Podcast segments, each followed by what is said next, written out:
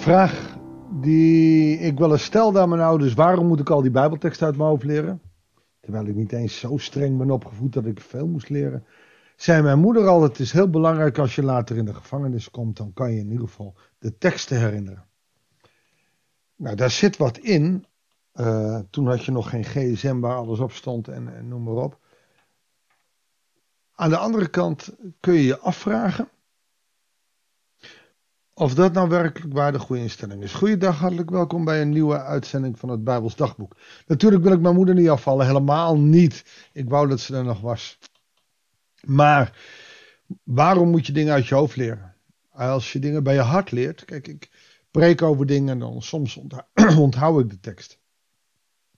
En die kan ik ook gebruiken en die gaan ook een rol spelen. Maar niet iedereen uh, kan dat. En sommigen kunnen gewoon een tekst uit de kop stampen en die kunnen hem altijd weer aanhalen. En nou, daar ben ik wel eens jaloers op. Iedereen doet het op zijn eigen manier. En toch vraag ik me af of het werkelijk wel belangrijk is. En dat gaan we vandaag kijken. Goedendag, hartelijk welkom. En we gaan lezen Matthäus 10, vers 11 tot en met 20.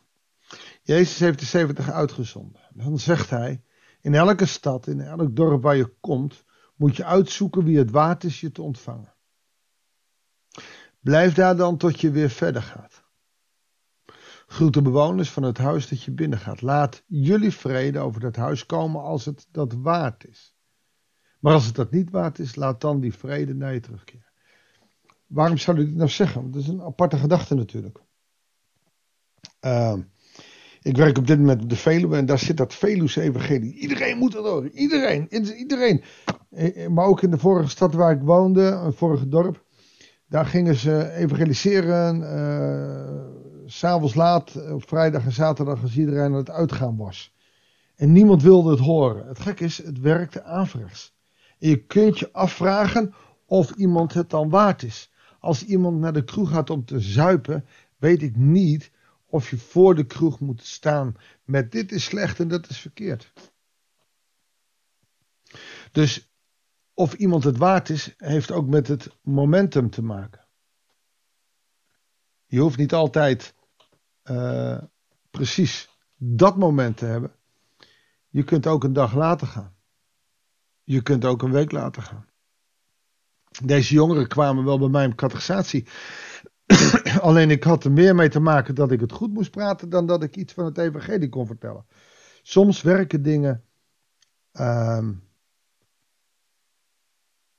averechts. En dat moet niet. Dus ga op zoek naar wie het waard is. Dat is niet alleen wie het waard is dat je bij hem mag wonen, maar ook wie het waard is op dat moment om het woord te ontvangen. Ga dus niet lukraak zomaar lopen evangeliseren. Bouw relaties op. Niet voor niets dat in de huidige tendens en sfeer van de zendingsorganisaties, maar ook in de evangelisatie, meer iets zit van opbouwen van relaties dan lukraak dingen uitdelen en maar het evangelie droppen. Er was een tijd dat dat gewerkt heeft. En ik denk terecht dat het in deze tijd niet meer werkt. Maar dat is mijn mening. Je kan proberen, uh, als er wat gebeurt, dan gebeurt er wat. Alleen wat is de schade? Het roekzichtloos zomaar doen.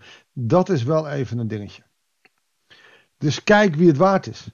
Dan komt het binnen. En als die vrede iemand niet waard is, dan, dan zal je die vrede terug ontvangen. Het is net als de shalom uitspreken, is ook een vervloeking. Als, als je een vervloeking uitspreekt en die is niet van de ander op toepassing, kan die ook op jezelf terugkeren. Kijk er dus mee uit. Kijk met wie je in contact komt.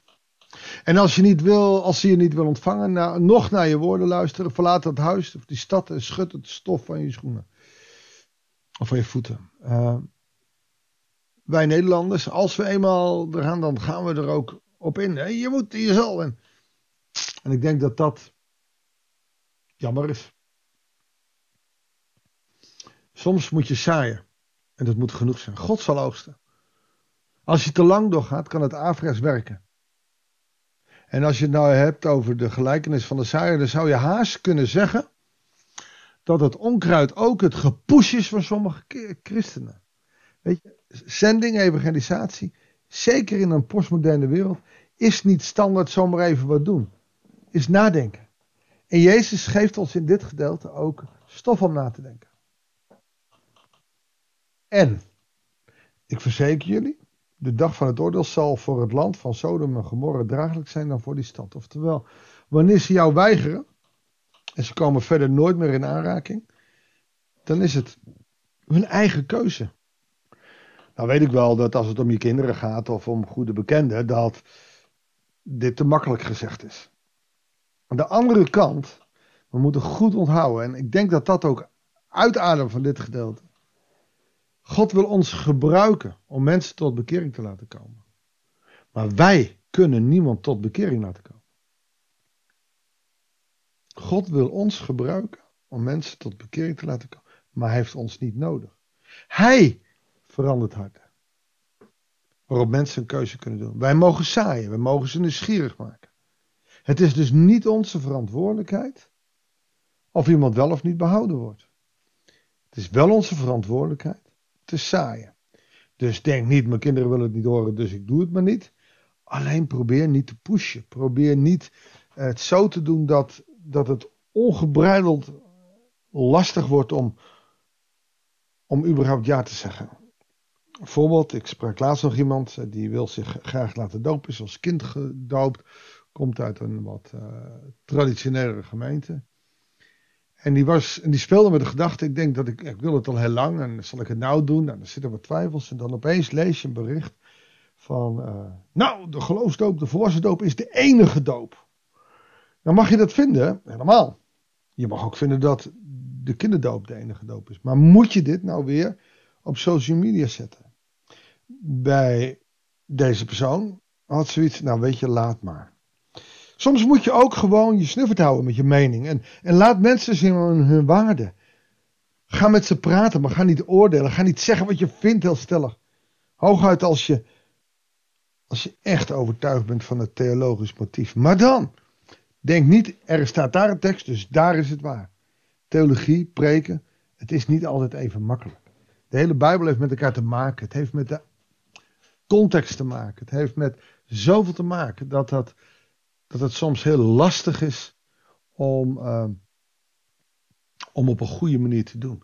Dus Jezus zegt: kijk naar wie het waard is en, en ga daar zorgvuldig mee om. Dat betekent dus die massazending met een grote toeter of dat iedereen het maar moet horen. Uh, het voordeel van de podcast is, als mensen het niet willen, zetten ze hem uit. Zijn mensen nieuwsgierig? En dat is in het verleden wel gebeurd. Dan komen mensen tot bekering. Mooi. Weet je, ik laat het aan God over. Ik deel mijn stille tijd. Ik, soms heb ik het over mezelf, soms heb ik het over de luisteraar. Weet je, dat wisselt af. Soms kraakt mijn stoel, soms niet. Maar jullie kunnen de knop uitzetten. Of je kunt nieuwsgierig zijn. Bedenk wel. Ik zend jullie als schapen onder de wolven. Wees dus scherpzinnig als een slang. Maar behoud de onschuld van een duif. Oftewel, weet je, de scherpzinnigheid van de slang zou betekenen dat je niemand meer ging vertellen, want. Terwijl de onschuld van een duif, ik wil het aan iedereen vertellen. Zoek een balans in je leven. Kijk wie het waard is om het evangelie mee te delen. En weet je dat niet? Bid. Heer God, wie is het waard om het woord te horen? Maar als je dan mensen op je pad krijgt, hou dan ook niet je mond. Pas op voor de mensen, want ze zullen je voor het gerecht brengen, je geestelen in de synagoge.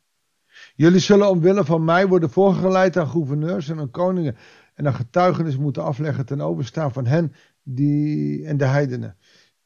Zelfs dat is op dit moment aan de gang. Ook weer een voorbeeldje. Ehm, mijn dochter kampt op dit moment op school. Het is van origine christelijke opleiding, maar dat zegt niet helemaal wat. Um,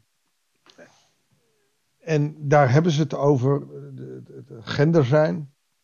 En daar heb je geen mannentoilet meer en geen vrouwentoilet meer. Daar heb je toiletten. Genderneutraal. Je mag daar niet meer over uh, hij of zij spreken. Het gaat over het. Nou, dat mag je als groep afspreken. Klaar, weet je, dat, dat laat ik in, uh, in het midden. Dat moet iedereen zelf weten. Maar als je dan vrijheid van meningsuiting hebt, waarom mag mijn dochter dan niet vanuit haar christen zijn zeggen: nee, ja, ik geloof alleen in mannetjes en vrouwtjes? Stel dat ze dat vindt. Die discussie hebben ze gekregen. Ik heb geen uh, recht op meningsvrijheid of, of, of uh, uiting, want ik mag niet zeggen. Ik ben zij. Ik zeg maar even wat of in een zin dat zij heeft gezegd dat. Nee, dan moet je zeggen dat het heeft gezegd. Nou, allereerst vind ik het ongelooflijk onpersoonlijk. Maar het is ook nog eens zo van.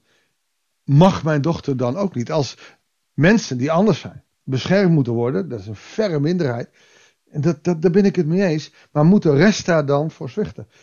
Dat zijn de issues die je tegenkomt en die steeds scherper wordt. Nou, dat is die onderdrukking ook, hè? Dat is de onderdrukking die Jezus hier noemt. En want vanuit het christelijk oogpunt kun je dingen vinden. Weet je, het maakt me niet uit wat even. Maar betekent dat dat je dan niks meer mag zeggen? Nee, je mag het zeggen. Alleen daar zul je op veroordeeld worden. En dat is waar Jezus het hier over heeft. Wanneer ze je uitleveren, wanneer ze je uitlachen, maar uitleveren, vraag je dan niet bezorgd af hoe je moet spreken of wat je moet zeggen. Want wat je moet zeggen, zal je op dat moment worden ingegeven. Dit is naar mijn moeder toe. Ik hoef er geen Bijbeltekst uit mijn hoofd te leren. De geest zal spreken. Jullie zijn immers niet zelf die dan spreken. Het is de geest van jullie vader die in jullie spreekt. Wat wij als christenen veel meer moeten leren, is niet stampen, stampen, stampen, teksten kennen en daarmee mensen overtuigen. Wij moeten veel meer openstaan voor de geest die in ons zal zijn en ons, eh, door ons zal spreken. Maar het grappige is, heel veel christenen vieren Pinksterfeest en daarna is de geest weer weg. Dan doen we het zelf weer. Ik denk dat daar toch nog wel wat issues liggen. Ik denk dat we daar nog moeten leren dat de geest ook zal spreken. En dat geldt voor mij net zo goed. Kijk, ik heb natuurlijk wel wat oefening gehad door in het openbaar te spreken, door te preken. En ik zal je wel vertellen, de preken die het diepst bij mij binnenkomen zijn dan wanneer ik het los kan laten en ik andere dingen zeg dan ik voorbereid heb. En die dan veel meer aankomen dan, dan wat ik voorbereid heb. Dus je kunt niet zomaar zeggen, ik kan het zelf wel. Natuurlijk moet ik ook wel spreken maken en de, en de boeken en alles. Ook dat zal God leiden. Ook heb je dominees die alles voorlezen. Ook dat leidt God. Hoe je het ook bent of verkeerd. Ook bij de voorbereiding en het maken. Zul je je afhankelijk moeten stellen van de geest die door ons spreekt. Geldt voor iedereen. Dan heb je de juiste woorden. Dan ontdek je wie het waard is om het evangelie te horen. Dan ontdek je wat God wil met je leven. Die werkelijke afhankelijkheid, die is belangrijk. Dat is wel aardig. Dit is de laatste uitzending live. Vier weken ga ik offline. De podcast blijft doorgaan. Ik heb gisteren al gezegd, er staan uh, eh, 20 podcasts vanuit 2021 op. Um, dus je kunt luisteren. Uh, niks mis mee, dat was uh, een paar jaar geleden. Ik denk dat het af en toe over corona gaat. Dat, oh, dat heb ik me niet gerealiseerd. Nou, dat is wat het is. Maar ik mag zelf naar Bolivia gaan. Ik mag daar ook preken, vier keer. Bijbelstudie geven, hoe je het noemen wil. Uh, en ik zie daar als een berg tegenop. En dat heb ik al een paar keer gedeeld. En er zijn een aantal mensen die hebben voor me gebeden. En ik ga er nu gewoon vanuit dat God ook door me spreken zal. Dat het niet Dirk is die daar de Bijbelstudie moet houden. Dat het de geest is. En weet je wat de geest kan? Die kan Engels. Dus ook ik moet me dan weer helemaal afhankelijk stellen. Oeh ja, niet ik, maar God in mij. Nou, laten we dat meenemen in deze zomertijd. Laten we dat meenemen in, uh, in ons dagelijks leven, ook in ons werk. Wees niet bang om te getuigen van zijn liefde, van zijn genade. Ga niet pushen. Kijk wie het waard is. Ontdek wie het waard is. Nou, veel te lang van de laatste uitzending dan maar. Ik wil met je bidden. Heere God, hier zijn we.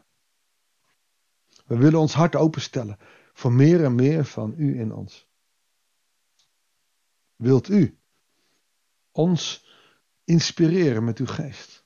Wilt u door ons spreken, niet alleen in gevangenschap, maar ook in ons getuigenis? Wilt u zo bij ons zijn dat we ontdekken dat als we ons helemaal afhankelijkheid, uh, afhankelijk houden van u, dat u ook echt door ons spreekt. Bewijs het maar, Heer God, want we hebben dat nodig. En het is heel slecht. Maar wilt u het in ons doen? Heer, dat bidden wij u in de naam van onze Heer Jezus Christus. Amen. Dankjewel voor het luisteren. Een goede tijd. En ik hoop in ieder geval in augustus gezond en wel weer live op de podcast. voor de komende weken. er staan wat mooie psalmen en er staan wat mooie teksten die ik gereserveerd heb en die ik online zal zetten. Elke dag een nieuwe overdenking. doe jezelf een plezier. Blijf lekker in een ritme. Dan hou je ook je relatie met God goed draaiende. Ik wens je heel goed en heel veel zegen. Graag tot de volgende uitzending van het Bijbels Dagboek.